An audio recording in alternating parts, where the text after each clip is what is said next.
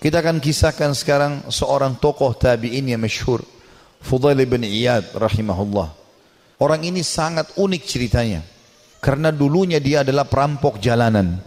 Saking mahirnya dia mencuri dan merampok sampai dia tidak butuh tim.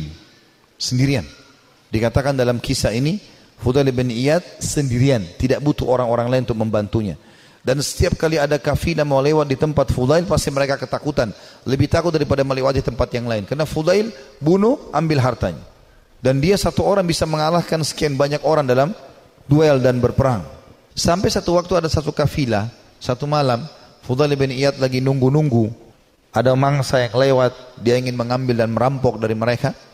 Ada kafilah yang lewat, berbicara satu sama yang lain. Dan Fudail mendengarkan Jangan kita lewat jalan sini karena ada Fudail bin Iyad.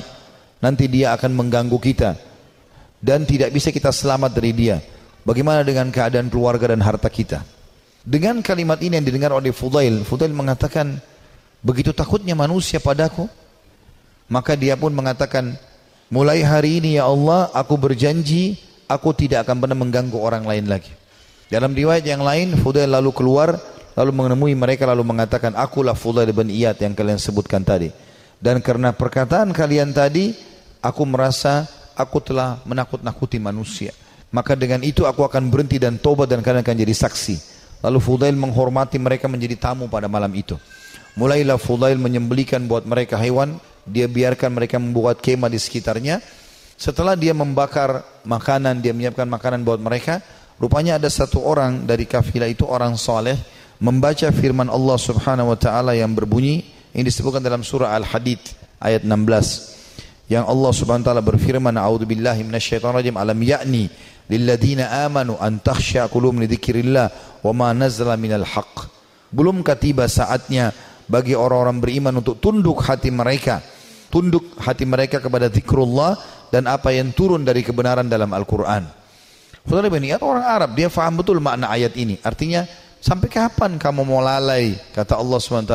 Belum tibakah saatnya bagi orang beriman untuk tunduk hatinya dan berzikir kepada Allah dan apa yang diturunkan dari kebenaran dalam Al-Quran? Maka Fudail pun menangis mendengar ayat tersebut.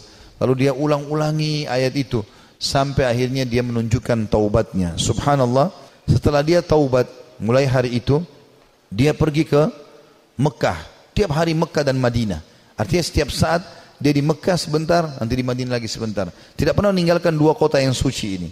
Dan kata para ulama, orang-orang yang pada saat itu sudah menjadi ulama, kemudian menjadi sahabat dekatnya Fudail. Di antaranya Abdullah bin Mubarak, Sufyan Thawri. Ini semua orang-orang yang luar biasa ibadahnya, terkenal sekali kesolehannya. Itu mereka mengatakan, kami tidak pernah menemukan orang setakut kepada Allah seperti Fudail bin Iyad. Dia luar biasa kalau datang dekat Ka'bah, nangis kepada Allah Subhanahu wa taala. Kalau nangis sampai pingsan karena ketakutannya kepada Allah Subhanahu wa taala dan dia betul-betul tulus sampai akhirnya Allah letakkan kalimat hikmah dari lisan dia. Banyak kalimat-kalimat mutiara yang disebutkan oleh Fudail bin Iyad rahimahullah. Dan itu dinukil oleh para ulama. Seperti misalnya dia mengatakan sambil dia berdoa kepada Allah, "Ya Allah, seandainya Engkau membuka aib-aib kami, maka pasti akan kelihatan dan kami tidak akan mungkin bisa menutupinya."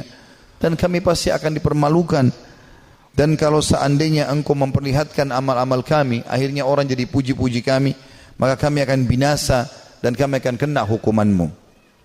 Kemudian dia juga menyebutkan dalam statementnya masyhur setelah dia taubat, kamu berhias untuk manusia, hai Fudail, berdandan untuk mereka, dan terus saja riak pamer ibadah-ibadah sehingga mereka menilaimu saleh mereka menunaikan kebutuhanmu, kemudian melapangkan tempat duduk untukmu dan bermuamalah denganmu karena mereka salah duga.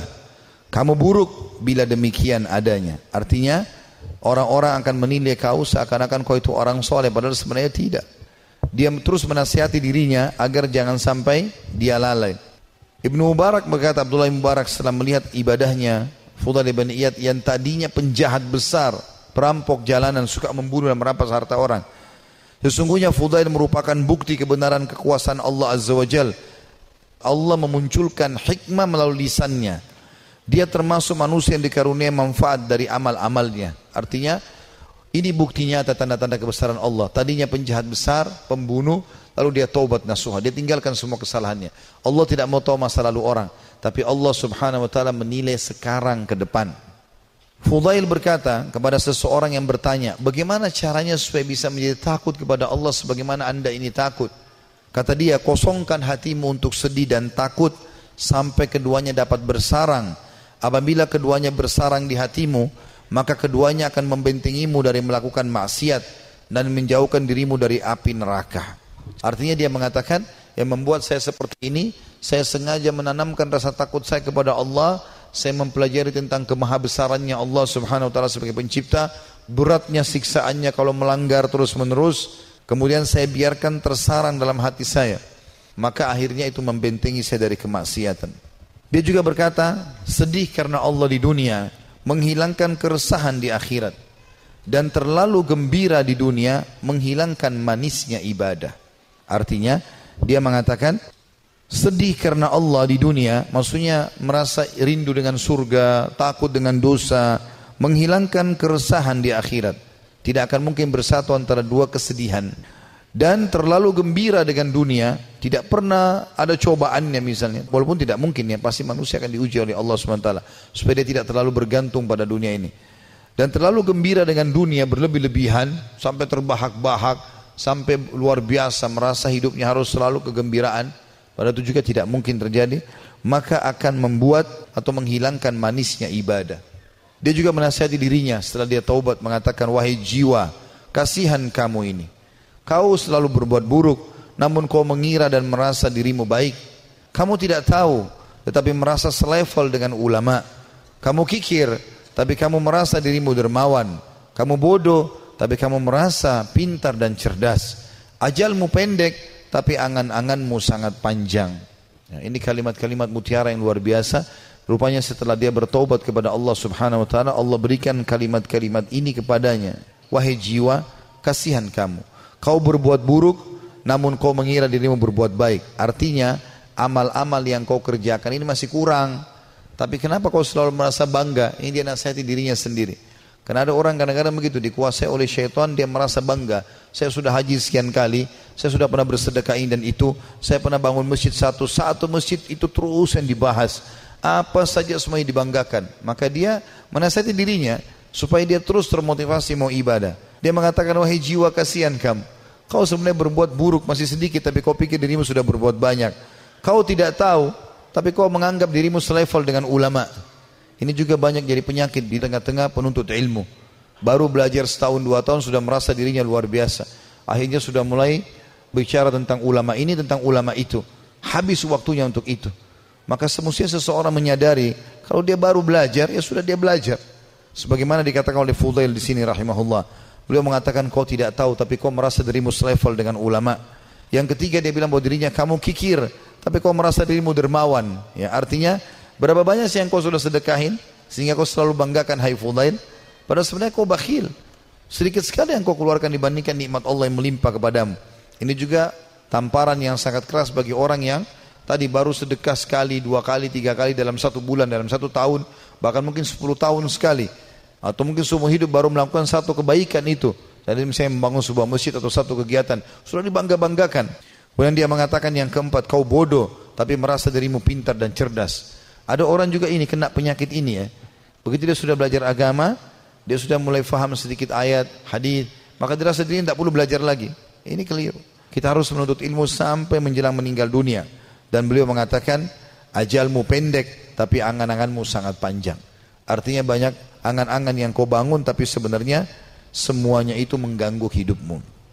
Juga dia berkata Fudail rahimahullah, manusia paling berdusta adalah mereka yang mengulangi perbuatan dosa yang pernah dilakukannya. Manusia yang paling dusta adalah manusia yang mengulangi apa yang pernah dia lakukan dulu. Manusia yang paling bodoh, jadi kalau dia pernah buat dosa dia ulangi lagi berarti dia manusia paling dusta. Karena dia sudah tahu salah tapi kenapa dia lakukan. Lalu dia mengatakan manusia paling bodoh adalah manusia yang memperlihatkan amal kebaikannya.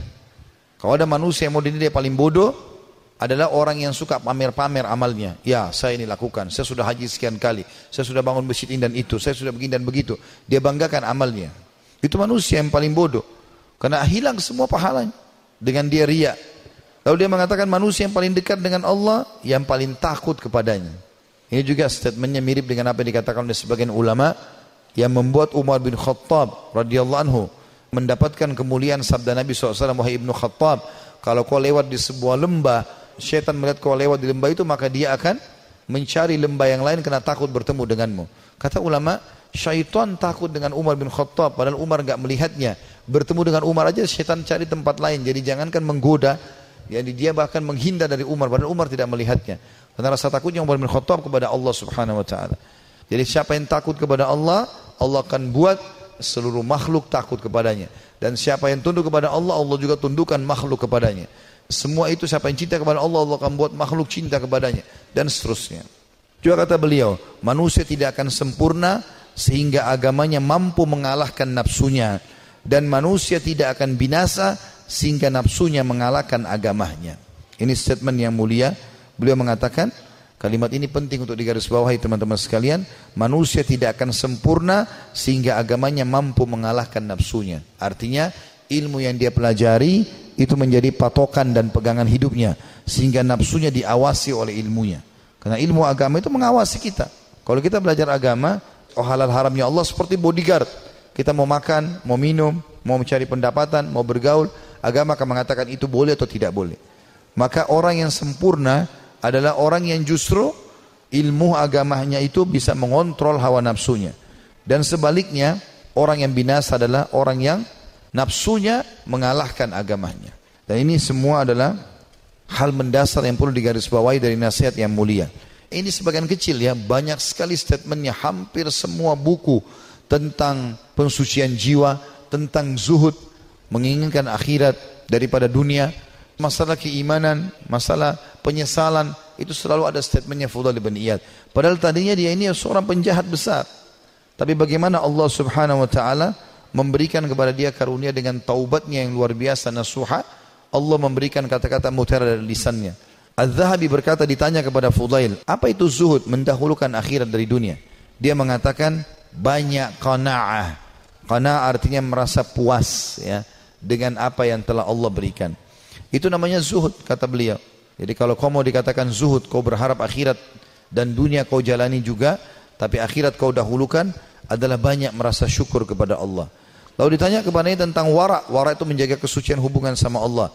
Yang menjawab, menjauh dari yang diharamkan syariat. Apa pun yang Allah larang, tinggalkan. Bukan cuma yang haram, yang makruh pun ditinggalkan. Makan, minum, berdiri aja tidak dilakukan. Apalagi kalau sampai makan yang haram. Dan kita kalau tinggalkan sesuatu yang makruh, Berarti yang haram akan lebih mudah kita tinggalkan.